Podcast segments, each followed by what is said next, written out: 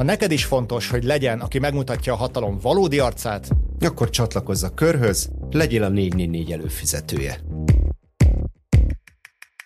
Sziasztok, ez itt a Nem Rossz Könyvek hatodik része, és egyben a 2023-as év utolsó beszélgetése. Itt van velem Bence, én pedig Anna vagyok. Sziasztok! Sziasztok! A mai témánk még mindig egy kicsit um, az előzőhöz kapcsolódik, és, um, és itt az évvégi nagy listázásokról lesz szó, a könyv, könyvek top listáiról, és arról, hogy ennek van-e valójában funkciója, vagy mi ketten szeretjük-e ezt a műfajt, figyelünk-e rá, és eléri a célját mondjuk egy-egy ilyen lista. Te hogy vagy ezzel, Bence? Nálam abszolút eléri, én nagyon mániákos listaolvasó vagyok. Főleg voltam tavalyig, amíg rendszeresen rendeltem könyveket külföldről, aztán ez egy személyes gyász történet, hogy megszűnt a Book Depository, és azóta még nem találtam új kedvenc felületet, onnan rendelték, úgyhogy hála Istennek most kevesebbet rendelek, és jobban elférek otthon. De hogy addig kifejezetten nagy funkciója volt az évvégi listáknak, mert nagyon sok ötletet merítettem ilyenkor, meg már megvannak azok az oldalak, ahol fixen visszamegyek. Nagyon izgalmas nézni, hogy mi alapján kerülnek fel könyvek, és annyit már talán előre elárulhatunk, hogy a műsor második felében arról fogunk beszélgetni, hogy a magyar könyves magazinnak a magyar listája az hogyan áll össze, hogy mi alapján lesz az év legjobb könyve. Ez külföldön is azért sokszor vita téma, meg nincs olyan, hogy egy lista ne, kap, ne váltanak ki azonnal nagyon heves érzelmeket minden irányból. Én nem vagyok annyira otthon a nemzetközi irodalomban, mint te, és itthon tényleg a könyves magazinnak a listája van most már jó tíz éve, és én nagyon szeretem, úgy, ahogy nagyon szeretem magát a könyves magazint is mindig, mert én azt éltem meg, hogy nekem azért voltak fontosak a listák már korán, mert Szóval, hogy így nem egy olyan környezetben szocializálódtam, ahol így adogatják életkornak megfelelően a könyveket, hogy na most ezért, e, ez jön, most ez fog érdekelni valószínűleg, hanem megéreztem azt, hogy nagyon szeretek olvasni, meg nagyon sokat jelent az irodalom, de el voltam veszve, hogy ki, kit kell olvasni, mit kell olvasni, mi fog, mi fog ö, engem megtalálni, vagy megszólítani. És akkor tudod, amikor emlékszem nagyon arra, amikor talán érettségévében, vagy már első, egyetem első évében azt gondoltam, hogy na hát én akkor ilyen nagybetűs bölcsész lettem, és akkor elkezdem venni az élet és irodalmat, és amikor megértem azt, hogy már magát a recenziót sem értem, nem, hogy a könyvet, amiről beszélnek benne, akkor, akkor találtam meg a könyves magazint, ahol én azt tapasztaltam, hogy tök jó mert értem, hozzám szól, mm, fesztelen, mégis minőségi, és ezért én tökre figyelem ezeket a listákat, viszont képzeld el, hogy én ellenállok mindig, amikor engem kérdeznek, hogy na mondd el azt a három könyvet, amit idén, vagy amit egész életében az embernek el kell olvasni, mert nem tudok egészen egyszerűen ilyet. És tök jó, hogy a 444-es podcast most ez tavaly is, meg idén is így rám kényszerítette idézőjelben, hogy, hogy át kell gondoljam az évet.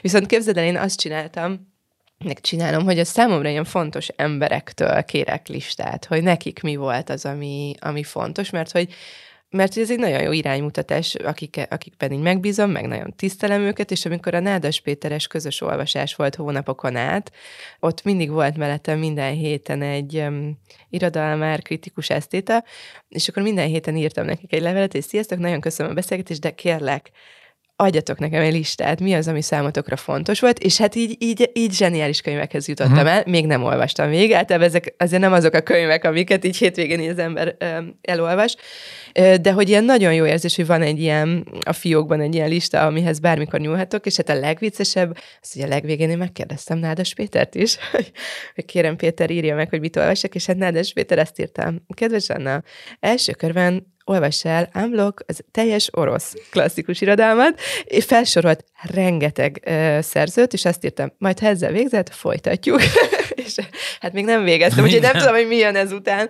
Na de hogy, hogy röviden csak én, én nagyon bízom és hiszek bennük, és egy nagyon jó iránymutatás. Nyilván tudjuk, hogy kik azok a szerzők, akik fontosak nekünk, és azért tudjuk, amikor írnak valami újat, de hogy ilyen újdonságokhoz lehet hozzájutni, vagy ilyen, am, am, amik úgy tényleg úgy nem ütötték meg a mi inger küszöbönket. Hát talán. egyrészt, másrészt meg szerintem azt mi jól kereteztük múlt adásban, hogy a idei év kedvenc könyveiről beszélgettünk, és nem a lév legjobbjai, vagy ilyesmi. Igen, Legalábbis saját példámból kiindulva én nagyon-nagyon kis szeretét olvasom az éves merítésnek, ami idén jelent meg. Tehát ha választhatok is szabadon, hogy mit olvassak, akkor is rendszeresen már évek vagy évtizedek között megjelent könyveket választok. Így mindig van egy ilyen csúszás és egy csomó, pont a könyves magazin listáján egy csomó mindenre rácsodálkoztam, erről majd fogunk is beszélni, gondolom, hogy voltak olyan könyvek, amik így elmentek mellettem egészen idáig, és most, most jött meg a kedvem hozzájuk. Úgyhogy az szerintem jó, hogy mi így beszélgetünk arról, amik tetszettek nekünk, de az világos, ez egy nagyon kis szelet az idén megjelent, és izgalmas és jó könyveknek. Úgyhogy kicsit arról is fog szólni az a mai adás, hogy ezt bepótoljuk. Igen. És még csak egy érdekességet, mielőtt rátérünk a, a, a könyvesnek a listájára, hogy, hogy ahogy készültem, elkértem, ugye a Bookline-nak van egy ilyen, minden hónapban közzéteszik, és azt hiszem a Bookline Libri egyben, bocsánat, egy ilyen listája, eladási listája, és ezt elkértem, mert hogy nagyon érdekes összevetni azt, amit a könyves magazin képvisel, meg amit, amit a valós vásárlások után ö, láthatunk, mert hogy egyáltalán nem egyezik. Ami valószínűleg nem olyan nagy kuriózum, hogy a kritika egészen mást tart fontosnak, mint mondjuk a, a, a, az olvasók, vagy a, vagy amit a könyvesboltokban lehet látni. Ugye itt gyakorlatilag a legdurvább az az, hogy Frey Tamásnak megjelent novemberben egy regénye, sok év után, azt hiszem. Igen. Én nem olvastam, te sem, ezt tudom, ezt már valamelyik nem, részben beszéltük, igen. És hogy gyakorlatilag képzeld el, hogy a novemberben megjelent, és ez az első helyre csúszott e- egy hónap alatt. Ez elképesztő. Nagyon durva, de én nem lepődtem Te nem lepődtél én nem ennyire lepődtem meg. meg. Na, valami, én te most már évek óta tervezem, hogy elolvasom valamelyik regényét. Vannak barátaim, akik olvasták és meséltek róla, úgyhogy valamennyire képbe vagyok és valószínűleg iszonyatosan jól eltalálja ezt a politikai krimi is ilyen kapcsolódik kicsit a világpolitikához, de nyilván közben nagyon fiktív az egész, és ilyen nagyon kalandos történetekkel. Ez szerintem nem csak Magyarországon népszerű ez a műfaj, tehát ez erről azért látni a nemzetközi listákon is, hogy, hogy ezek nagyon tudnak működni. A másik érdekesség, amit le tudok szűrni, hogy valahogy a magyar népléleknek szüksége van az iránymutatásra olyan szempontból, hogy ne csak szép irodalmat olvasson, hanem ilyen önsegítő vagy pszichológiai könyveket, mert hogy orvostót Noémi örökölt sorsát még mindig nem lehet letaszítani 2018 óta a második helyről, és az új könyve is felkerült, ami Szabad Akarat címen jelent meg talán tavaly, vagy tavaly előtt, és az a kilencedik helyen van ugyan, de hogy, hogy az örökölt sors valami nagyon durvát megy, és hát le is fordítják most nemrég, októberben jött a hír, hogy 2, 4, 6, 7 nyelvre már megvan a szerződés, hogy, hogy, hogy lefordítják Brazíliától Olaszországon át. Szóval, hogy és itt van még Csernus és, és Máté Gábor normális vagy című könyve is az első tízben, szóval, hogy ebből én azt szűrtem le, hogy itt, itt szükség van valami, vagy hogy, az ember, hogy a magyar olvasók így, így szeretnének a lelkükkel valamit kezdeni, és nem csak a szép irodalom által. És hát ezek a könyvek, talán a Frey nincs rajta a könyves magazin listáján, de ezt most nem tudnám biztosan állítani. Ezt én tudom. Na igen, szóval, hogy csak egy ilyen kis érdekesség volt ez. Nekem még az egyetemen sok-sok évvel ezelőtt volt egy órám a György Péterrel, uh-huh. aminek az volt a címe, ami ilyesmi strandirodalom, és az volt, hogy mindenkinek el kellett olvasnia a fél év alatt egy ilyen szeminárium jelleggel egy-egy olyan könyvet, amit az emberek általában strandon olvasnak, tehát ez a típus, de nem, nem a ponyva szót használnám, az nagyon ilyen pejoratív, tehát ezek, ezek nem rossz könyvek, abba, csak nem is magas irodalom, hanem Aha. ez az ilyen könnyed, ilyen, ilyen krimik, meg Aha. volt köztük egy író, akit nem nevezhetek meg, meg mondta a, akkor a György Péter, hogyha vala ezt ki mondjuk, hogy ki az, akit ő beválogatott ide, akkor soha többet nem vele szóba. De Aha. volt olyan, akit ő már átsorolt a de hogy akkor ezt ő állította össze. Ő, ő állította aha. össze, hozott 20 címet, mindenkinek választania kellett, és nagyon szórakoztató volt, mert nyilván ezek kicsit ilyen asztrológiába hajló, meg kicsit ilyen, vagy ilyen fülletten erotikus, Aha. thriller, meg ezek a típusú dolgok, soha nem olvasnánk ilyet magunktól, és tök érdekes voltam, hogy olyan szempontból jól volt összeállítva a lista, hogy mindig be volt az valami társadalomkép, Aha. és akkor lehetett, de nagyon rég volt, úgyhogy nem is emlékszem a legtöbb könyvre. De egyet mondjál, Léci, hogyha ilyenhez szeretnénk nyúlni. Hát nagyon szívesen előszedem a listát. Az jó, ez, ez jó, egy 2015-ös, 6-os dolog lehet kb., úgyhogy nagyon-nagyon régen volt, nem akarok hülyeséget mondani. Azt tudom, hogy csupa olyan könyv volt, aminek a szerzőjét ismertük akkor, tehát a Vivian Fable, ilyen típusú szerzők, akiket így mindenki ismer, de hogy azért sokan nem olvassák őket, és egy izgalmas átjárás volt egy másik világba. A, nem tudom, még miért áttérnénk a könyvesre, azt nem kicsit beszélgethetnénk a, egyrészt a nemzetközi listákról, Igen. mert van ez a nagyon, nem tudom, ezt mennyi ismerik-e a hallgatóink, ez a LitHub nevű egyébként nagyon alapoldal, egy ilyen irodalmi magazin angol nyelven, és nekik van minden évben az a nagyon-nagyon jó rovatuk, hogy a összes nagyobb nyugati lapnak a kritikáit összegyűjtik, és azok alapján pontozzák, hogy melyik lett az év legjobb kritikáit kapó könyve. Tehát egy ilyen agregált óriás lista, és azt minden évben érdemes megnézni, vagy én abból mindig sokat tanulok.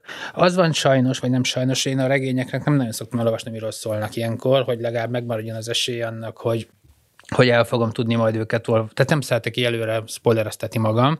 Úgyhogy idén például az írónőnek Anne Enright-nak lett az első helye a legjobb, leges legjobb kritikákat kapó könyvet, tőle sok minden van már, vagy nem sok minden, de pár dolog van már magyarul is, és ezt az új regényet tényleg, ahol valami 20 valahány nagyon-nagyon jó kritikát kapott, uh-huh. és azt mhm. gyűjtötték ott össze, de én nem olvastam el, miről szól, mert nem uh-huh. akartam magamat meglepni. És a második a magyarul szintén sok, sok regény által olvas, sok regény olvasható az Empecsetnek uh-huh aki, aki lett a második.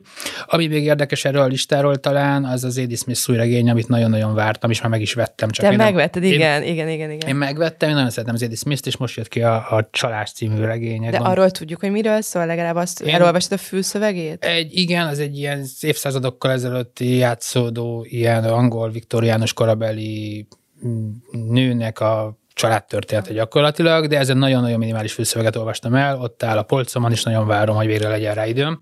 Én nagyon szerettem az ő korábbi regényeit, és az a gyanúm, hogy ez érkezni fog magyarul is, mert eddig is a legtöbb műve érkezett magyarul. Ami még esetleg érdekes, az a non-fiction vonal, ami engem olyan szempontból jobban érdekel, hogy ott hogy ott ezekkel a könyvekkel inkább képbe voltam évközben is, ami egy nagyon izgalmas idei kiadás volt, és felkerült erre a top 10-es legjobb kritikákat kapó listára, az az Orwell feleségéről szóló könyv, amit az Anne Funder nevű szerző írt, akit nem ismertem korábban, és arról van szó, hogy az Orra felsége az Ellen Blair, aki hát nagyon borzasztó körülmények között élt, és viszonylag fiatalon meg is halt egy ilyen elég súlyos betegségben, amivel kapcsolatban felmerül, hogy ott igazából nem is nagyon kezelték rendesen, meg nem fizettek, nem tehát nem fizették ki az orvosát gyakorlatilag, meg ilyen típusú sztorik vannak, és nagyon keveset tudni erről a nőről, pedig azt lehet tudni, hogy ő írta le az Orwellnek az összes szövegét, és hogy nagyon sokat dolgoztak úgymond együtt, de ez képest az Orwell kb. soha nem említi, és hogy egy elég sötét kép bontakozik ki Orwellről ebben a, ebben a kötetben, ez non-fiction, tehát alapvetően ilyen ami felelhető dokumentumok, és nagyon izgalmas, mert a Funder, ő nagyon szereti Orwell szövegeit, nyilván, mint mindenki más, tehát itt nem arról van szó, hogy itt most lerombolni ezt a mitoszt, de hogy megmutatni, hogy mit lehet tudni az ő magánéletéről amúgy. És hát nem, nem egy ilyen nagyon feld, felvizító kép, tehát megint az derül ki, hogy azért egy sikeres író, egyébként úgy sikeres, hogy azért ők nem voltak se gazdagok, se nagyon egészségesek, és nem volt egy nagyon vidám életük, de még ezen belül is valószínűleg az Orwell nagyon durván bánt sokszor a feleségvel, azt lehet tudni, hogy megcsalta, azt is lehet tudni, hogy nem árult el neki, hogy neki nem lehet gyereke a házasság előtt, ami azt egy ilyen komoly, pedig ő, pedig ő tudott róla. Uh-huh. Tehát, hogy vannak ilyen sztorik, és akkor ehhez képest még van egy csomó ilyen nagyon nyomasztó dolog.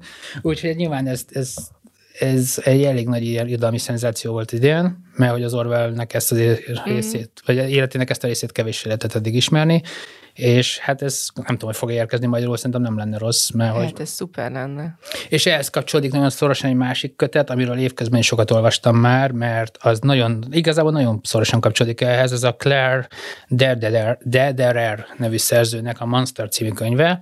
Ő egy ő kritikus, elég régóta művészettel foglalkozik, és igazából azt a kérdést feszegeti, hogy lehet-e valakinek úgy szeretni a művészetét, ha közben tudjuk, hogy retteltes ember volt. De ezt akartam most az Orwellnél kérdezni, hogy ez akár megérhetne hát, jövőre egy, egy egész adás, simán. hogy, hogy hogy mennyire befolyásolja a szerző képe, vagy amit tudunk róla, az, amit olvasunk Hát ez tőle. a könyvek csak erről szól, és Polanski, meg Woody Allen, meg Picasso, meg Hemingway, meg ezeken a nagyon ismert példákon, viszont állítólag, úgyhogy nem olvastam a könyvet, csak a kritikákat róla, hogy nem egy ilyen nagyon moralizáló, és nem arról uh-huh. van szó, hogy itt ledönteni ezeknek a figuráknak, uh-huh. hanem sokkal személyesebb, hogy ő, mint aki amúgy nagyon szereti ezeknek az embereknek az írásait. Nőkről is van benne amúgy szó, tehát, hogy főleg férfiak, de az egy-két olyan nő is, akiről tudni, hogy nem volt egy nagyon jó erős jellem hogy mit lehet azzal kezdeni, hogy a, mi a művészet és a műalkotás és a személy és szerzőnek a viszonya. Erre nagyon kíváncsi vagyok, és ez, ez biztos rajta lesz a jövő évi olvasás, olvasó De jó. listámon. És majd mesélj meg, csináljunk erről egy beszélgetést, mert nagyon kíváncsi vagyok, hogy te mit gondolsz erről. És a New York Times listáján mit láttál? Láttál valami izgalmat? Ja, a New York Times lista azért került szóba, mert ők idén, igen, hogy, hogy ők nagyon komolyan, hát az ők, ők, akik megkerülhetetlenek ebbe az egészbe. Ő, náluk az idei első helyzet, az a Paul Murray-nek a The Beasting nevű regénye, amiről semmit nem tudtam, megmondom őszintén, és, és mivel annyira agyon van dicsérve, tök kíváncsi lettem nyilván, és majd el is fogom szerintem olvasni, a Frenzenhez hasonlítják, és elvileg egy nagyon vaskos ír családregény. Nagyon durva egyébként, hogy az írek mennyire, az írszerzők évek óta elképesztő formában vannak, és egymás után jönnek ki a nagyszerű regények. Nagyon izgalmas. Miközben egyébként pont hallgattam nem olyan rég egy írszerzővel egy beszélgetést, ahol meg arról esett sok, sok szó, hogy egyébként az írnyelv, mint olyan, az mennyire szorul vissza, és hogy már mindenki angolul ír. Tehát, hogy miközben egy ilyen nyelv elvesztés tapasztalat, közben viszont elképesztően jól írnak, és nagyon-nagyon virágzik az egész irodalmi élet. Ez tök izgalmas, ez a Igen. kettősség. Igen. Ki lett a harmadik, azt még mondd el. Harmadik? Ú, nem tudom, mert belettem a jegyzeteimbe. Még egy könyv van, amiről szívesen mesélek, mert az, azt olvastam, az volt, az volt egy nagy élmény nekem idén, E, és ezt kicsit félbe mondom itt a 4 podcastben, mert több szerkesztő már szerintem a fejemet követeli, mert ez a Naomi Kleinnek a Doppelganger című kötete, amiről én olvastam még valamikor össze, és nagyon sokszor megígértem, hogy cikket fogok róla írni, és folyamatosan szétesett a kezembe, valószínűleg csak túl túl burjánzott az egész projekt, még nem adtam fel teljesen, de hogy ez, ez volt számomra az év legizgalmasabb vagy eredetibb kötete, ilyen non-fiction. A Naomi Klein szerintem itt Magyarországon is sokan ismerhetik, ő kanadai, de alapvetően az ilyen amerikai baloldalnak nagyon fontos szerzője már 90-es évek óta, és a No meg a, meg a Sok Doktrína, ezek megjelentek magyarul, meg a klímaváltozásos könyve is megjelent magyarul, és alapvetően arról szól, hogy az ilyen vállalati gazdasági érdekek azok hogyan befolyásolják a mindennapjainkat. Ezt azt az utóbbi időszakban már elvitte az ilyen klímaváltozás elleni harc akadályozása mutassa be, és tök izgalmas az egész, viszont most idén megjelent egy nagyon-nagyon személyes könyvvel, ami elég zavarbejtő volt. Annyi a sztori, hogy van a Naomi Klein, aki a szerző, és van a Naomi Wolf, aki a 90-es éveknek az ilyen liberális feminizmusának volt egy fontos szerzője. Tőle is olvasható magyarul a szépségmítosza, azt hiszem a címe, és arról szól, hogy a nőkkel, nőkkel kapcsolatos ilyen szépségideálokat, azokat mennyire a férfiak hozzák létre és tartják fenn. Ez egy elég nagy bestseller volt akkor. A Naomi Wolf az egy ilyen viszonylag ismert, sokat szereplő arca volt a- az akkori feminista közéletnek, és vele az történt, hogy az elmúlt 5-10 évben ő teljesen átcsúszott az ilyen összeesküvés elméleteket terjesztő szélső jobb oldalra. És e- ennek egyébként van egy nagyon-nagyon kellemetlen epizódja, az iszonyatos rossz megnézni. Éppen írta a Naomi Wolf az új könyvét, ami arról szólt volna, hogy a homoszexuálisokat hogyan üldözték az Egyesült Királyságban, még a 18-19. században is, és hogy ő előásott valami bírósági papírokat arról, hogy ott hogy ott még ebben az időszakban is kivégeztek férfiakat. És a BBC ö, szodómia vágyával. És a BBC élő adásában a műsorvezető az így mondta neki, hogy de hát ő teljesen félreértette ezeket a fogalmakat, ezek a jogi papírok pont arról szólnak, hogy ez nem, hogy őket felmentették, és hogy nem lett semmi az ügyükből. És már megvolt a kiadóval a megállapodás, kész volt a kézirat, így reklámozta az új könyvét, és élő adásban derült ki, hogy ez teljes, az fő és ott, ott teljesen megsemmisült. Tehát ez ilyen 18 környéken volt, és akkor hetekig az egész Twitter, meg mindenki ezzel röhögött, nyilván iszonyatos történet, tehát ennél megalázóbbat nagyon nehéz, és valószínűleg ez volt az egyik lökés, ami őt áttolta egyébként az ilyen jobb oldalra, vagy legalábbis az egyik elmélet. Na és a Naomi Klein úgy jön a képbe, hogy ő azt vette észre egy a Covid idején, hogy egyre gyakrabban keverik őket össze, mint a két Naomit. Tehát, hogy mind a ketten írtak nagyvállalatokról, meg mind a ketten írtak, nem tudom, a Covid lezárásokról, csak az egyikük egy ilyen eléggé rendszerkritikus, de azért mégiscsak megalapozott, meg tu- tudományosan végig gondolt érvekkel, míg a másikuk a teljes őrület. Tehát a, a Naomi Wolf így mindent, tehát az ebolát kiterjeszti, hogy csippet ültetnek a bőrünk alá, meg az összes ilyen minden, ami létezik, és a Naomi Klein elkezdett, az egyes teljesen rácsavarodott, tehát elkezdte a másik Naomi-t hallgatni, így, így nevezi, a másik Naomi hallgatni mindig, és minden adását követni, másrészt meg a saját életében is egyre több minden megkérdőjeleződött azzal kapcsolatban, hogy folyamatosan őt kérdezgették, és egyből egy ilyen nagyon személyes, az identitásnak, meg az ilyen saját magunk kialakít, kialakultásának vagy konstruálásának egy ilyen nagyon érdekes könyve született meg. Nagyon sok irodalmi példával, tehát az egész kettősség, hogy a Philip Rothra hivatkozik nagyon sokat, és nagyon-nagyon-nagyon érdekes ez a könyv. Majd remélem, hogy egyszer tudok róla cikket írni. Ezt szerettem volna mondani, én azt kérem karácsonyra, hogy... Karácsonyig ez már nem fog megszületni. Jó, de... jövőre is megszületett tavasszal, csak hogy ez szülessen meg, mert erről nekem már meséltél, és már akkor is iszonyú izgalmas volt, és nagyon-nagyon kíváncsi lennék rá, hogy, hogy, hogy mi van még a tarsolyodban e kapcsán. Úgy, az, hogy... Ez volt számomra az év legizgalmasabb non-fiction könyve, ez egyértelmű. Tök jó.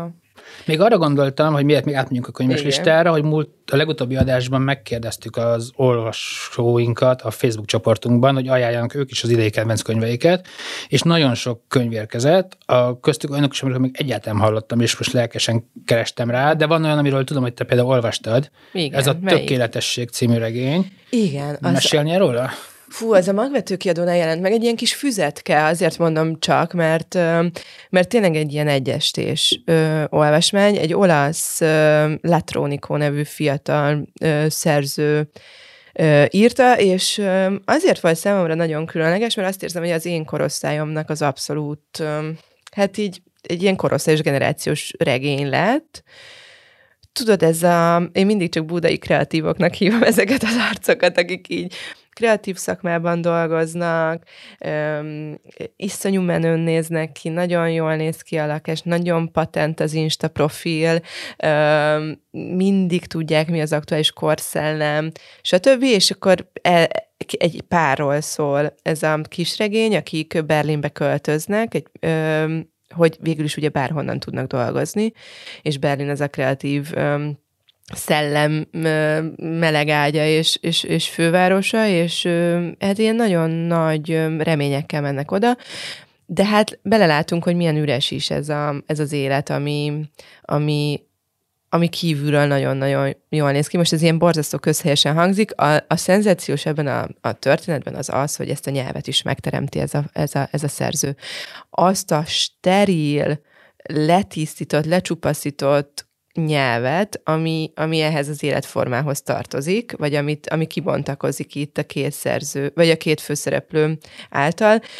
Konkrétan azt csinálja, mint hogyha Insta képeket néznénk, úgy, úgy, úgy ír meg egy jelenetet. És na, nekem egy nagyon érdekes, soha nem olvastam még ilyen típusú szöveget, vagy ilyen stílusú szöveget, és soha nem olvastam még ennyire valamit, ami közel van hozzám, már mint hogy nem csak hozzám, hanem azt érzem, hogy a környezetemhez és a generációmhoz is. Úgyhogy nekem ez egy, egy szuper um, szuper ö, olvasmány volt, mindenkinek javaslom, volt belőle könyvklubunk is, és ez még izgalmasabb volt, hogy nyilván ö, a, így ez az élet, ö, vagy ez a korosztály gyűlt össze, és hogy kinek mit adott, vagy kinek hogyan nyitotta fel a szemét. Mindenkinek van legalább egy ismerős, aki ezt a típusú életet folytatja, és hogy milyen is ez a típusú élet, vagy hogy hogyan lehet ebből kiszállni mondjuk.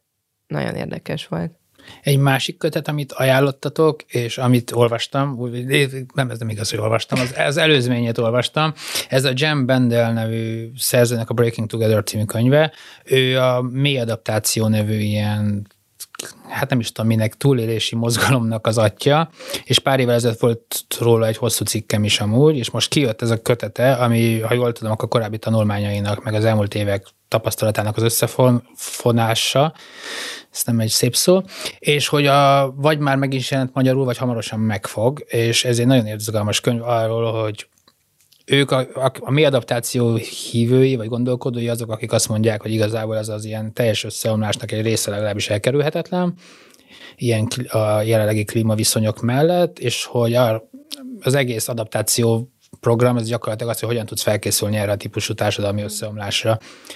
Nagyon sok gyakorlati résszel, a Bendelnek azért ő, ő egy nagyon furcsa természettudó, tudományos háttérből érkező szerző, és neki azért az ilyen klíma tudományjal kapcsolatos állításait nagyon sokan vitatják, tehát hogy az, hogy mennyire állnak precíz lábakon az ő előrejelzései azzal kapcsolatban, hogy milyen hamar lesz itt, mennyire rossz, az egy nagyon komoly vita tárgya, de közben ez az ilyen társadalmi része például az, hogy, hogy közösen hogyan kéne végig gondolnunk azt, hogy mi az, ami fontos számunkra, és ezeket hogyan tudjuk átmenteni, és milyen kulturális gyakorlatokat akarunk továbbvinni, és mi az, amiről hajlandóak vagyunk lemondani, meg hogy ez az egész elengedés, meg ezek a részek szerintem nagyon szépek, meg izgalmasak.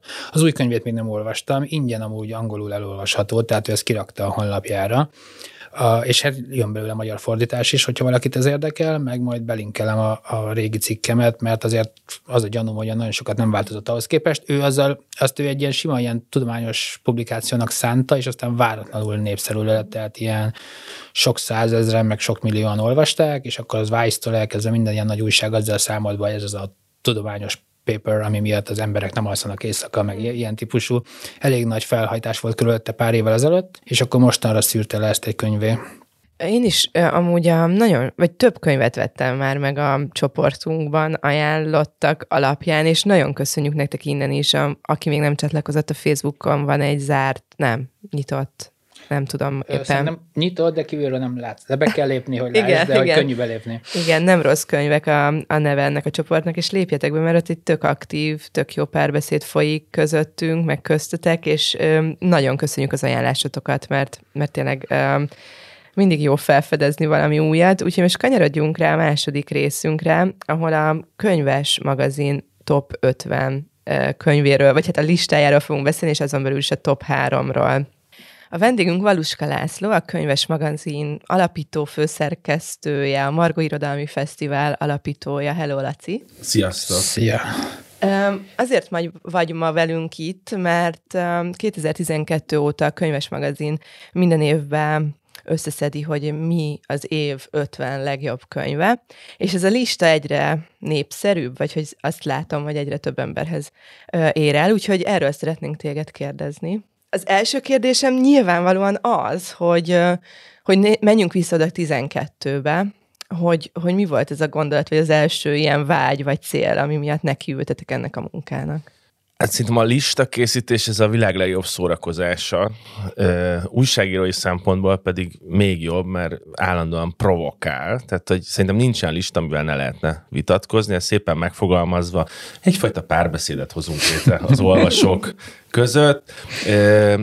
Az előzmény egyébként csak annyi volt, hogy volt bennünk egy ilyen vágy, hogy listázzuk az évet. Tehát most nem a, a listázásnak azt a részét, hogy nekünk mi volt fontos, mert uh, ugye a listázás ez a rendszerezésről szól, hogy mi az, ami fennmarad, és uh, a listázásra nagyon sokféleképpen lehet gondolni, tehát van az, hogy mi a könyves magazinon összerakjuk, hogy a, mi volt számunkra az 50 legjobb könyv, de valójában listázás az is, amikor a nagypapám könyveit kiszortírozom, hogy mi az, amit magammal viszek, meg listázás az is, hogy mi kerül a nemzeti alaptantervbe, tehát folyamatosan listázunk, és ez akkor jó, hogy a lista az mindig egy ilyen tekintélyuralmi dolog, valaki megmondja, hogy ez a lista. Ha ezt föl tudjuk szabadítani, és sokféle lista készül, akkor viszont egy ilyen nagyon demokratikus játék indul el, ami utalva arra, hogy az előbb azt mondtad, hogy így változik a listánknak a szerepe, hogy mivel régóta csináljuk, most már van mihez hasonlítani, hogy akkor azt így el tudják dönteni az olvasók, hogy oké, okay, öt évvel ezelőtt bejött, mert erről választottam, idén is megnézem, és, és így. Tehát egy, egy játék az egész valójában. Én azt hallottam, képzeld el, nem tudom, hogy hozzád is eljutottál, vagy csak egy ilyen városi legenda, hogy, hogy emberek a könyves magazin listájával mennek december ö, utolsó heteiben a boltokba, hogy, ö, hogy arról szemezgetnek, mert így annyira megbíznak benne. Ez, ez hozzám is eljutott, sőt, hát a, a könyvkiadók már ilyen október-novemberben elkezdenek hívogatni, hogy mi az a könyv, amire rá kell rendelni, Aha. és nagyon nehéz, hogy nem Segítesz lehet elárulni. Nem. Nem. Nem, nem. És ez ugye azért nehéz, mert a könyvkiadókkal alapvetően jó kapcsolatot ápolunk, és, és ezt titokban kell tartani, és ebből rengeteg szívás is tud lenni, tehát vannak könyvek, amik mondjuk kis példányszámban kerülnek kinyomásra, fölkerül a listánkra, és hirtelen nem tudnak mit csinálni vele. Tehát ilyen volt például tavaly azt hiszem a címeket mindig rosszul fogok mondani, mert semmit nem tudok megjegyezni. Helga levele?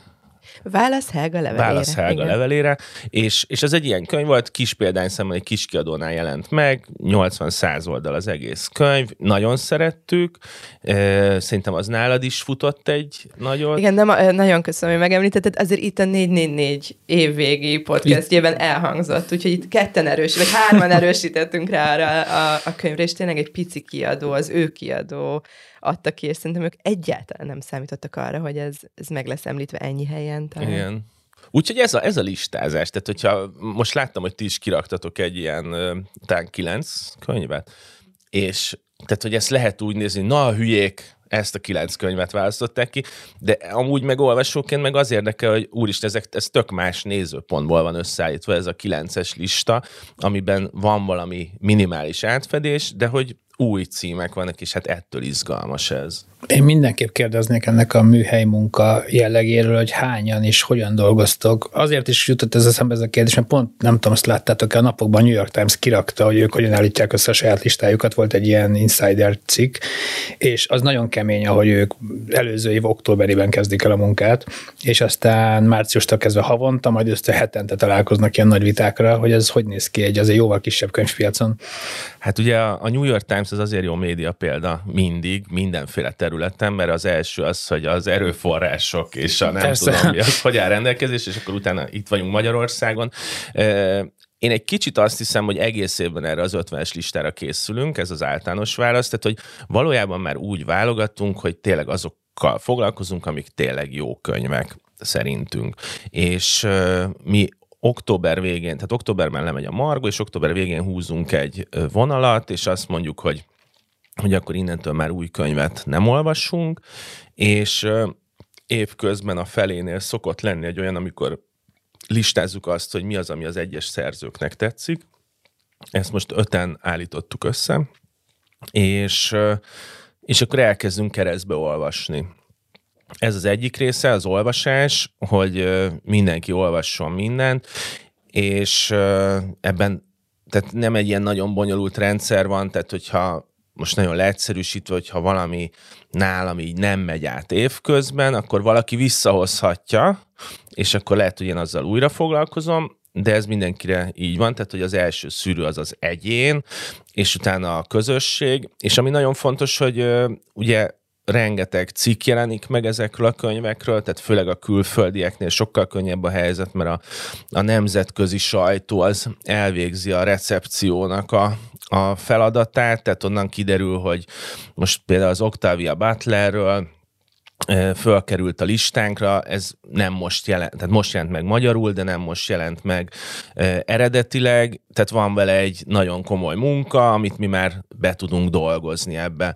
Így van a Fosszénak a Nobel-díja, hogy fölraktuk a listára, és például ez nálunk nem szokott lenni, ez 2010-ben azt hiszem már megjelent a Kaligramnál magyarul, de teljesen visszhangtalanul tűnt el, és, és a Nobel-díj miatt kiadták újra, meg elolvastuk, és akkor úgy döntöttünk, hogy ezt felrakjuk a listánkra, és akkor a vége, tehát amikor ezt megnéztük, hogy mit ír a szakma, mit gondolunk mi, akkor elindul egy ilyen nagyon hosszú, vontatott vita, ami nekem a kedvenc részem, és ezt így csak így röviden, tehát hogy mi a listázás. Tehát az, a listázás az irodalomban az nem az, hogy mondjuk mint egy focistákat állítunk sorrendbe, ahol vannak adatok, amiket elemezni tudsz meg összehasonlítani. Valójában azzal foglalkozunk, hogy másfél hónapig arról beszélünk, hogy az egyes ember az milyen olvasó. Tehát mondok egy példát, a, itt is van az asztalon a Vida Gábornak a Senki háza című regénye,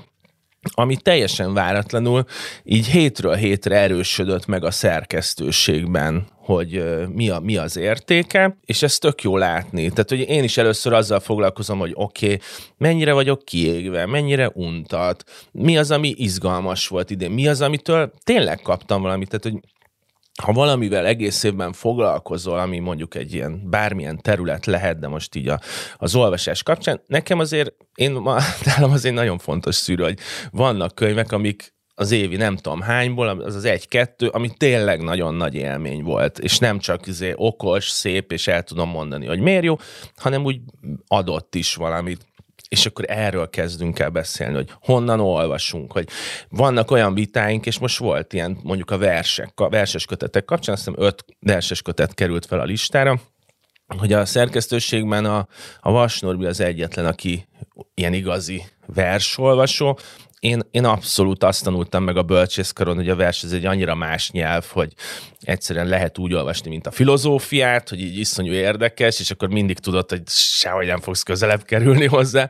És van a másik vonal, hogy, hogy ennek adsz egy esélyt, és kiderült, hogy tök sok verses kötetet olvastam az elmúlt években, egyáltalán nem szándékosan, és akkor ennek kapcsán elkezdtünk beszélgetni, és kiderült, hogy van egy ilyen mondjuk a Norbinál egy tök másik irodalmi hagyomány, ami, ahonnan ő érkezik olvasóként, meg teljesen más az, ahonnan én érkezem olvasóként. Hogy mondjuk mondjak konkrét példát, hogy mennyire vagyunk felkészülve arra, hogy mondjuk ezeket az identitás politikai, most nem versben, de az identitás politikai kérdéseket ki mennyire tartja izgalmasnak. Ki mennyire tartja izgalmasnak a történelmi témákat. Őszintén szóval én annyira nem szeretem a, a tehát a mondjuk a Tom Pandra könyvében a történelmet azt szeretem, de mondjuk az ilyen kosztümös beöltözős regényeket már, már kevésbé. És akkor ezekről vitatkozunk, Aha. és az egyik ilyen vitánkban odáig eljutottunk, hogy a, arról beszélgettünk, hogy az egyetemen ki milyen elméleti ö, órákra járt, mert egyszerűen nem tudtam feldolgozni azt a különbséget a két közöttünk lévő vélemény között, mert, és akkor kiderült, hogy nekem iszonyú fontos volt mondjuk a, a kultúra kritika, a gender, a nem tudom mi, és a másik meg egy ilyen nagyon strukturalista dologból jött, ami most az olvasóknak nem érdekes, de hogy és nem is tudom, hogy lehet ezt érzékeltetni, ezt a különbséget, de hogy így érkezünk meg, hogy azzal foglalkozunk, hogy mi milyen elvárásokkal érkezünk meg a könyvekhez, és ahhoz képest ezeket, hogy tudjuk ezeket az elvárásokat leépíteni, ez a legfontosabb része, hogy amikor, most nem tudom, hogy amikor átkült, vagy láttátok a listát, akkor valószínűleg bennetek is megvan az, hogy mondjuk, ha valamibe bele kell nézni, akkor azt már úgy nézitek, hogy jó, ez rajta van a top 10-ben, vagy a top 3-ban, és mert onnan olvassátok, hogy ez az elvárás, hogy oké, okay, ez az évvégi listán top helyezett volt, és nincs meg az a szüzességélmény, hogy amikor kinyitod a könyvet, és ez a legjobb része egyébként az olvasásnak, hogy semmiféle előzetes tudásod nincsen. És, és szerintem ezekkel kell sokat dolgozni, hogy mi az, ami a marketing része, mi az, ami a saját elköteleződésem, és hasonlók. Csak ez annyira ritka megérték, vagy hogy saját példámból látva, hogy annyira ritkán adódik az, hogy úgy olvasok egy könyvet, hogy nincs előzetes tudásom, mert azért annyira sok minden van, amit el szeretnék olvasni, amiről tudom, hogy érdekelhet, meg jó, és ezért aztán az, hogy teljesen véletlenszerűen leemeljek egy könyve. És ez hiányzik amúgy, és nem tudom, hogy lehetne dolgozni, valószínűleg sehogy nem, tehát hogy csukott szembe bemegyek és kihozok majd a könyvesboltból. De hogy ez, ez irigylésre méltó egyébként ebben, hogy nektek valamennyire miatt muszáj is elolvasni az év összes fontosabbnak tűnő megjelenését, független attól, mit tudtuk róla előzetesen, vagy nem. Így van, de ha belegondolsz itt a, ugye 4 4 mondjuk ti nagyon sokat foglalkoztok közélettel, nektek valószínűleg azzal kell dolgoznatok, hogy a, azokat a politikai vagy közéleti dolgokat, amikben ti magánemberként vagytok, az, az hogyan ke, hogyan lehet bevinni a nyilvánosságba, hogy ne legyen elfogult a 444, meg pártos, meg nem tudom mit, tehát hogy ezeket a munkákat szerintem az újságírók a saját területükön elvégzik, uh-huh. csak fura, hogy mondjuk könyvekről beszélve tesszük ezt meg, és egyébként az évkönyvénk az ilyen volt, a, a Knőzgornak a könyve, iszonyú megosztó, ugye nem tudom, mikor indult már el a 12, 16. 16-ban indult el a Akkor, in, akkor jelent meg a halál. Szerintem. Tehát mondjuk akkor ez egy 7 éves sztori, aminek én a harcom sorozatot imádtam, de tényleg. A és, és soha nem volt top könyv, mert ezt eh, nem lehetett átvinni a szerkesztőségen, hogy, hogy minden évben ő legyen a top regény, és ez mondjuk nem is igaz állítás, hogy minden évben az volt a legjobb, de ha azt nézném, hogy a harcom az valójában egy cím, akkor egyszer megérdemelte volna, hogy évkönyve legyen, csak ugye hat részben jelent meg. Csak egyszer sem volt? Nem. Oh.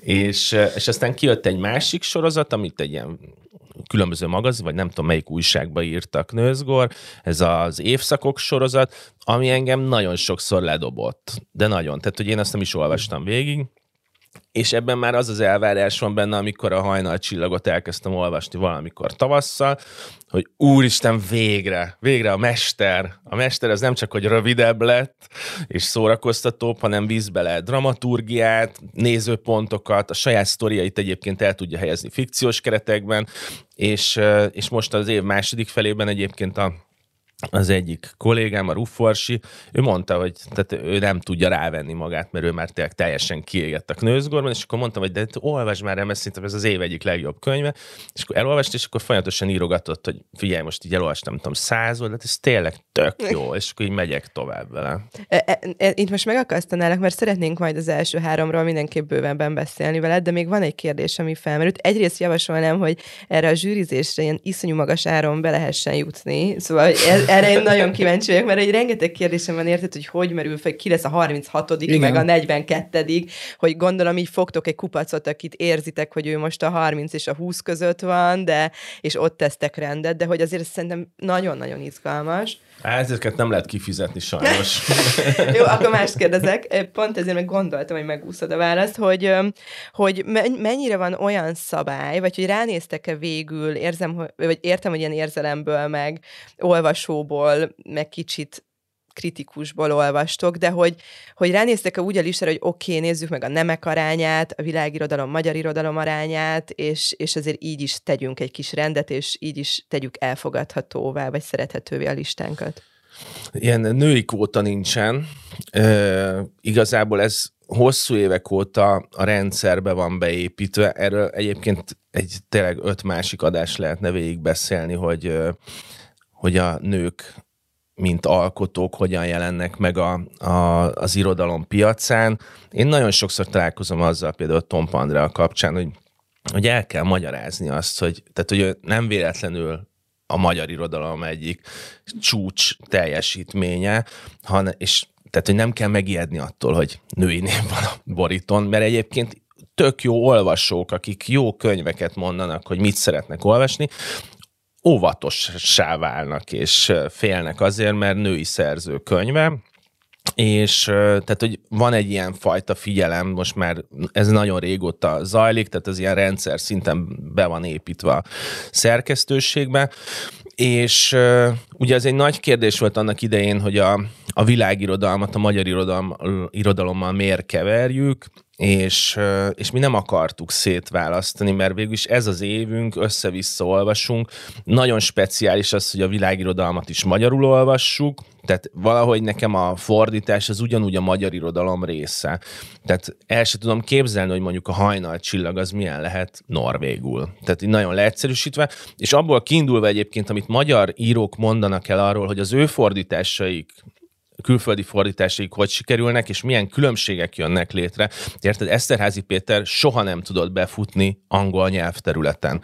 Német nyelvterületen meg be. Most ha ebből indulunk ki, akkor a fordításon múlik minden, tehát ez egy újraírás, és akkor mi azt mondtuk, hogy legyen vegyesen minden, és egyébként a, a non-fiction-t zártuk ki ebből, és meg a, meg a gyerekirodalmat, mert azt, azt nagyon nehéz volt itt elhelyezni.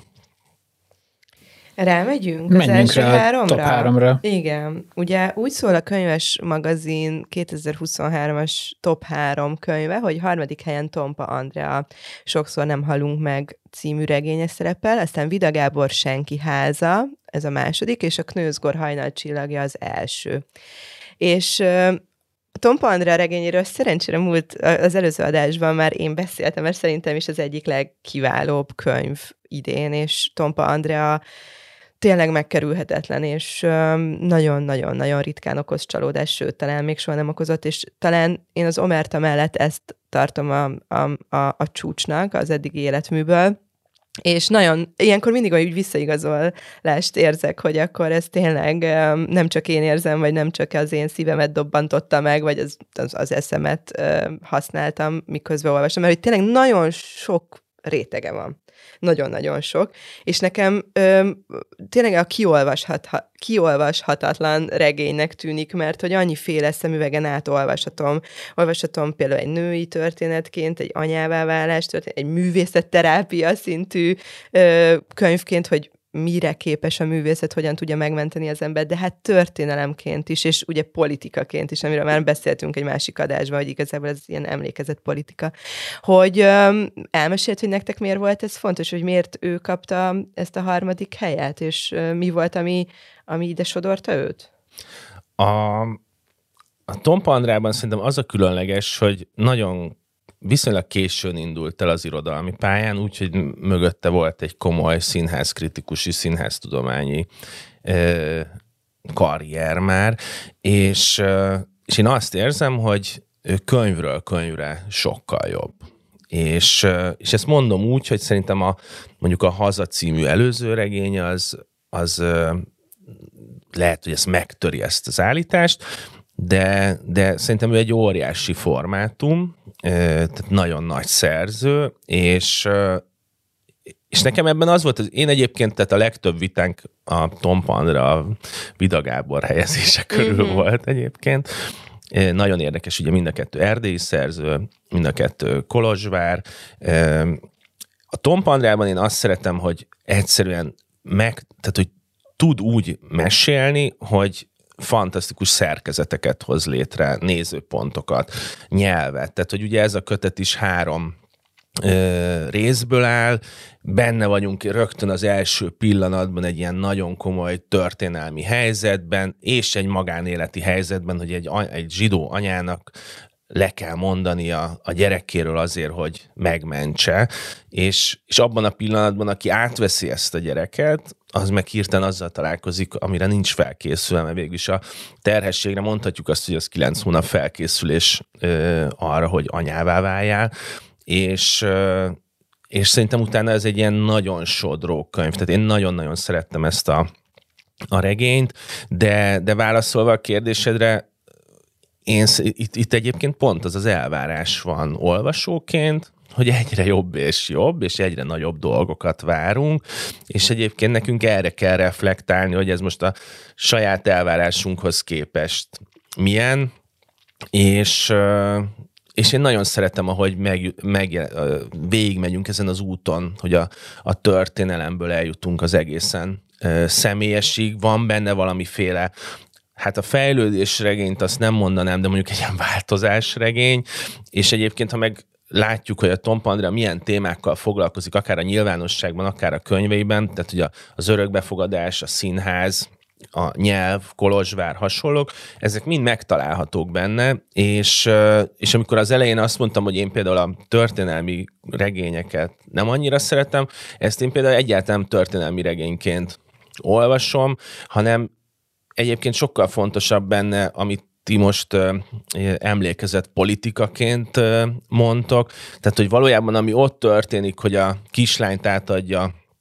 az anya egy másik nőnek, az valójában a saját történetünk, és, és az nagyon izgalmas, hogy, hogy ezekről mondjuk, ami a, a második világháborúban történt, arról ne történelemként beszéljünk, amivel eltartjuk magunktól, és keretezzük, és azt mondjuk, hogy az a történelemkönyvbe való, hanem tudjuk azt, hogy ez most is megtörténik, tehát hogy konkrétan ez a helyzet, hogyha átírjuk, és akkor most elnézést ezért, de mondjuk Ukrajnára, akkor uh, ugyanabban a problémában vagyunk benne, mert ezek akármilyen helyzetben is játszódnak, ezek mindig így arról beszélnek, ezek a könyvek, hogy most hogyan olvassuk a saját történelmünket, a saját ilyen közösségeinket, meg a saját sorsunkat, és, és ez ilyen szempontból egy ilyen extra, hogy ebben van elmesélve.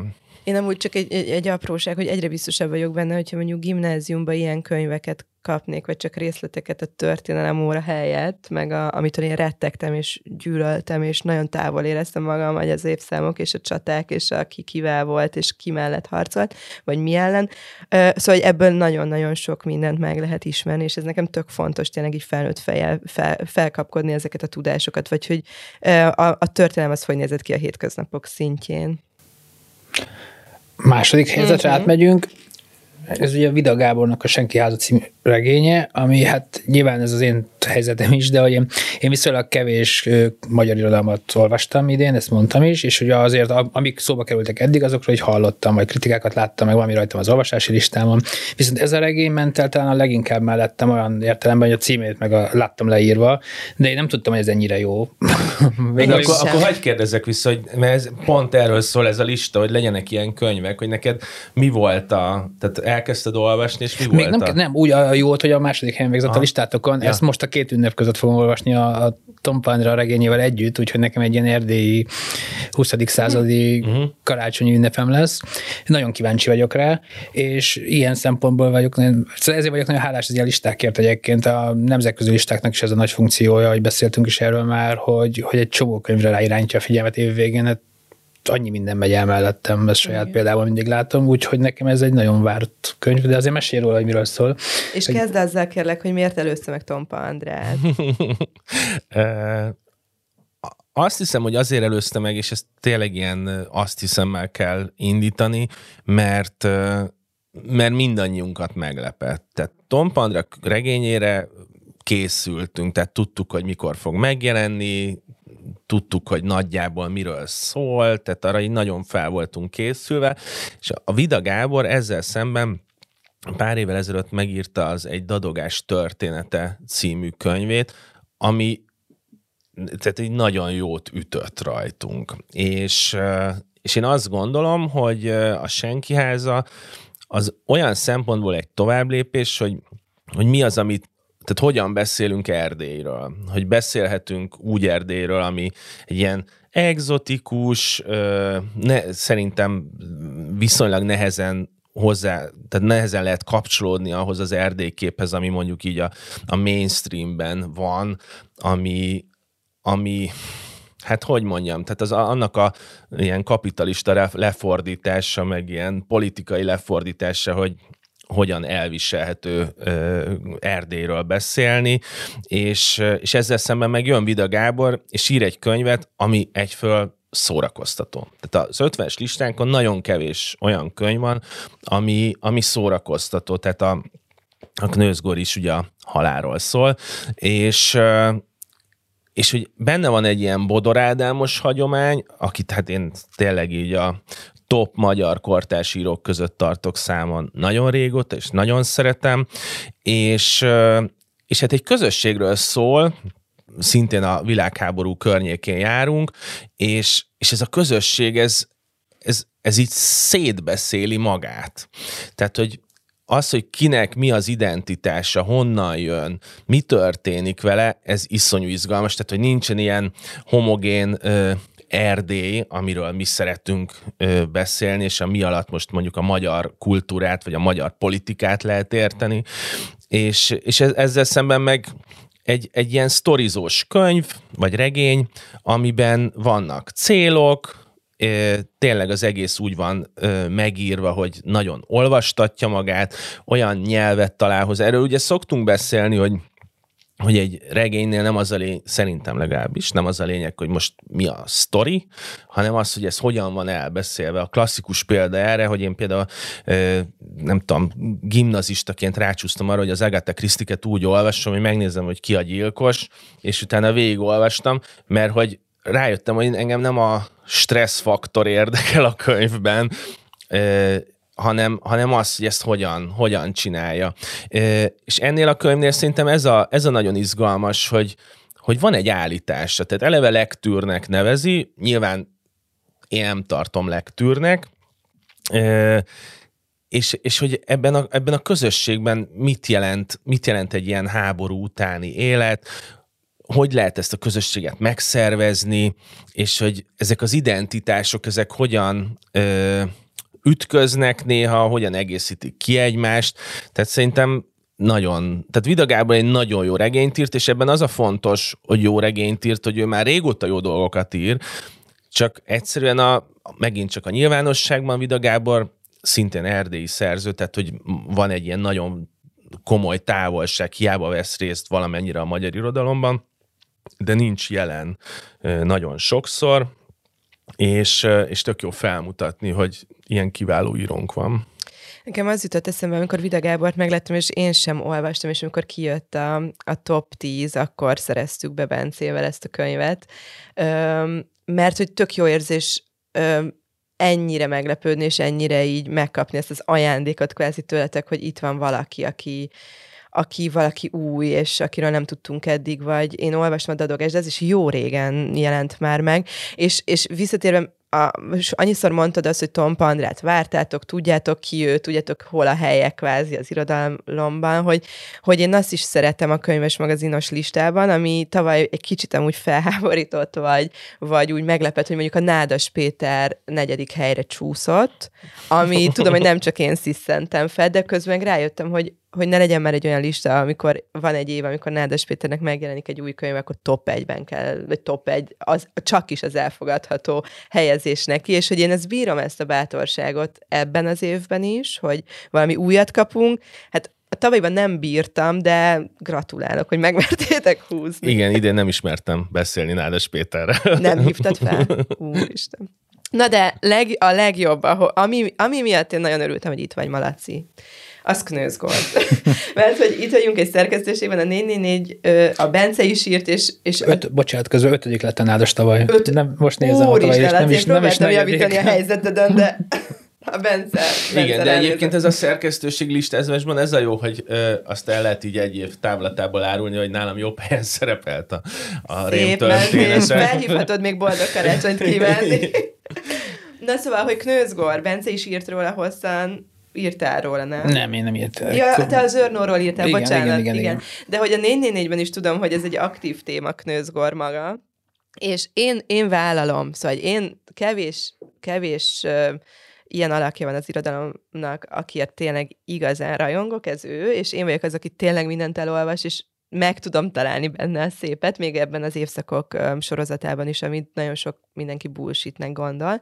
És tényleg én a Lacitól kaptam az első harcom első részét, és engem te húztál be ebbe a, az őrületbe. Szívesen. Köszönöm szépen.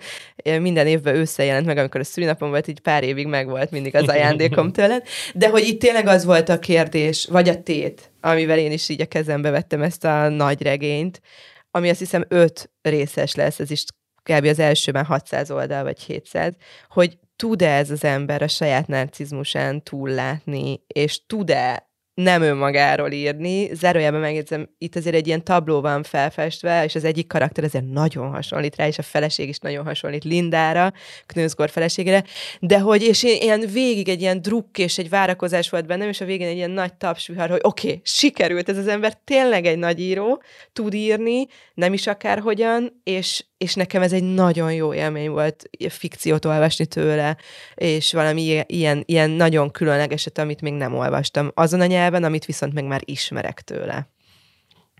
Hát ugye a, a knőzgor ez egy érdekes dolog. Ugye a harcomat hogy lehet elmondani? Egy 40 éves férfinek gyerekkel, ezt teljesen ki és akkor leül írni, és hat kötetig meg se áll. Tehát, hogy ezt, e, ehhez mondjuk kedvet csinálni szerintem nem könnyű, és, és ebben mondjuk az se sokat segít, hogy óriás eszék vannak a Mein Kampfról, meg Rilkéről, meg a, megismerjük az első szexuális élményét, de de valahol az irodalom ez az út, vagy az olvasás ez az út, hogy, hogy így benne bekerülünk egy írónak a, a fejébe, meg történetébe.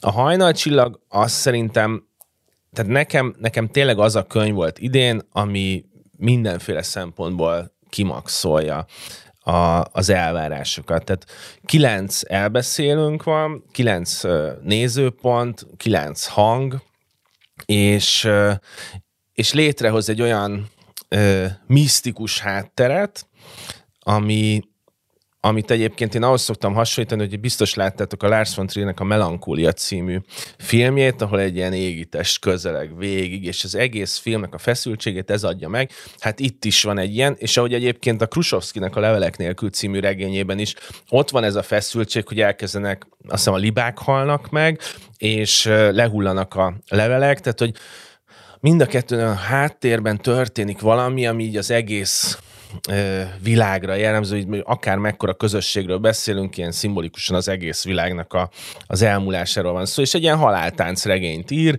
ami, ami valahogy mindig a halállal kapcsolódik össze, És, és ezen belül pedig ez a nagy regény formátum, tehát hogy a különböző nézőpontok így elkezdik átírni egymást, nagyon izgalmasak. És ami nekem külön nagyon izgalmas volt, és ezért mertük egyébként ö, megválasztani elsőnek, hogy olyan ö, elbeszélői technikát alkalmaz, ami egyébként a, az ilyen sorozatra kondicionált agyunknak, tehát tévésorozat vagy streaming sorozatokra koncentrált agyunknak nagyon hasznos, tehát hogy a dramaturgia az eleve úgy épül fel, hogy minden ö, fejezetnek a végén van egy akkora ö, ilyen kérdés vagy probléma felvetés, amivel már mész tovább, és, és a karaktereket is úgy adagolja, hogy vannak szereplők, akiket így csak így így a nevüket így rögzített, hogy ez is elhangzik, és akkor egyszer csak a 300. oldal környékén egyszer csak kibomlik a történet, ami azt is jelenti, hogy az előtte lévő 300 oldalt is át kell gondolnod, hogy a, hogyan jelent meg ez a karakter. Tehát ez egy kicsit olyan, ez a hajnalcsillag, mint egy egy ilyen monumentális nagy sorozat, ami folyamatosan ö, hozza olyan értemben zavarba az olvasót, hogy amit mondtál, tehát aki Knőzgór olvasó, annak ez azért iszonyú jó élmény, mert azok a témák, amikkel már találkozott a harcomban, azok így fikcióban vannak keretezve, tehát hogy szerintem sokkal jobban működik valami 50 oldalon, mint 400 oldalon sok esetben. Aki meg nem knőz, tehát nem olvasott még Knőzgort, annak meg azért nagyon jó, mert mindent megkap abból, amiért ez a norvég szerző jó. Tehát a, ugye szép magyar szóval élve a diszfunkcionális családokat, az, hogy mit kezdünk az élettörténetünkkel, hogy van egy politikus, aki aki úgy néz ki, hogy meghal, de aztán mégse.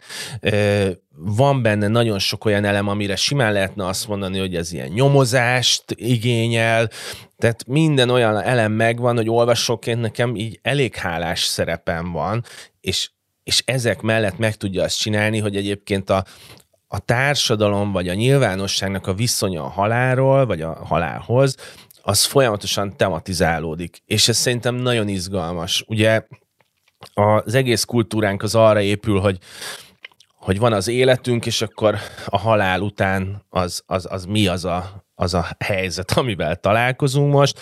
Ugye a Karsai Dánielnek is ez a nagy kérdése, hogy, hogy a halál az az élet része, vagy pedig a halál az egy másik ö, folyamat, és, és ebbe a knőzgor belemegy, és hogy lehet erről úgy beszélni, hogy, hogy egyébként ne kelljen szoronganunk tőle szerintem, hanem, hanem hogy kérdéseket tegyen fel, ki tudjunk alakítani viszonyokat vele, és vannak szereplők, akikkel nagyon lehet menni, mert nagyon meg vannak írva, nagyon jók a konfliktusok benne, és, és hát rengeteg olyan apróság van, ami, amit mondjuk a harcomból ismerhetünk, ilyen eszézés, meg szex, meg hasonlók. Azt tudom, hogy most jön tavasszal új Knosgird, az ennek a sorozatnak a második hát része? Igen, de olyan pofátlan ez az ember, szóval, hogy tényleg az van, hogy én, hogyha egyet kívánhatnék az életem során, az az, hogy legyen annyi időm egyedül, hogy újraolvashassam így egyben ezeket a sorozatokat, mert hogy ahogy a Laci említette, tényleg is szét van írva nekem is ez a kötetem ceruzával, hogy ki kicsoda, hol jön vissza, hol jelent meg először 400 oldalal korábban, és megcsinálja ez az ember azt, hogy öt kötet lesz ez, azt hiszem. Nem csak három. Öt. Nem, azt hiszem, már ötre dagadt, vagy dúzzad. Dagad. Dagad. Ö, és kezdjétek, hogy a második kötet, mert hogy azt várna az ember, hogy például vannak olyan szereplők, akik már ebben a kötetben is visszatérnek, uh-huh. és két fejezetet kapnak, de van, aki csak így felvillan, Igen. és nem is érted, hogy mit keres itt. Nincs is eleje és vége nagyon az ő jelenetének, vagy fejezetének, és hát ugye várná, hogy majd az ember, hogy majd a második kötetben akkor róluk mm, lesz inkább szó, és kezdjétek el, hogy áprilisban jelenik meg az a cím, hogy az öröklét farkasai, és ott kettő szereplőnk lesz, két teljesen ismeretlen, eddig ismeretlen. Az egyik egy 68-ban játszódó Csernobilban egy, egy az atom ö, katasztrófa idején játszódik, és egy ukrán valaki, talán, azt hiszem, vagy katon. Igen, és ez vagy... a Krusovszki első regény, ez már kapcsolódik ugye a tüdőszanatóriumos résznél ott van a cserba. Ki koppint ki? Na, de nem, nem biztos, hogy azt hiszem körülbelül ennyit tudhatunk róla. A másik viszont Moszkvában, a másik karakter egy moszkvai biológus, és a halál, az élet kérdései ugyanúgy felmerülnek, de itt azt hiszem talán még a természet is egy kicsivel fontosabb szerepet kap. Úgyhogy én nagyon izgatott lettem, egyrészt csalódott lettem, hogy ezeket az embereket most akkor három évig fogalmam nem lesz, hogy, hogy, hogy mi van velük, és újra kell nyilván majd olvasni, amikor a harmadik rész megjelenik. Másrészt izgatott is lettem, hogy ki lesz ez a két új arc. Ez egyébként tök érdekes most, hogy ezt így elmondod, és így elképzelem, hogy a, kimegy a podcast majd a 444-en, és akkor, és akkor az a, azon őrjöngünk, hogy úristen, hát a természet is belép a következő kötetben, és, hogy, és, hogy, és akkor ezt a hallgatók ezzel mit fognak kezdeni ezzel a gondolattal? Igen. Igen. Hát lehet, hogy teljesen tévútra vittem most a hallgatókat, de én az ennyi, ennyi, ennyit tudok. Szerintem az a fontos ezek, ebben a listában, hogy bárki választhat bármit.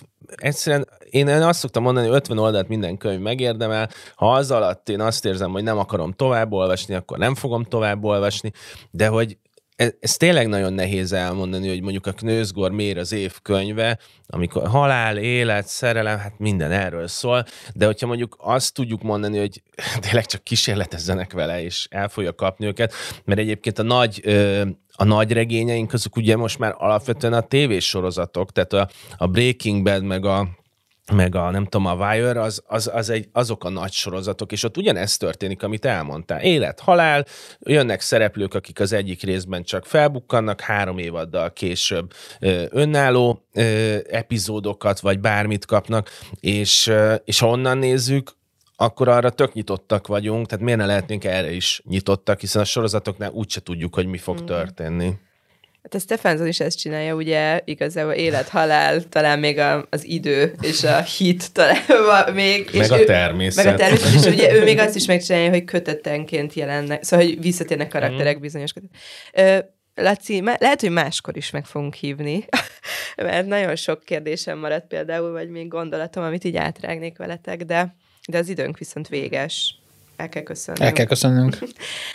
Köszönjük, hogy itt voltál, Köszönöm Laci. szépen. Köszönjük a listát, nagyon sokat segít. Reméljük, hogy a hallgatóknak is segít, és még így az utolsó héten, utolsó napok, utolsó óráiban be tudnak rohanni egy könyvesboltban. Nagyon köszönjük az egész éves figyelmet, hát mondjuk az egész éves, ezt a pár hónap figyelmet, amit, és hogy velünk, velünk töltöttétek ezt a pár hónapot, mi nagyon élveztük, és januárban folytatjuk Bencével. Sziasztok! Sziasztok! Sziasztok!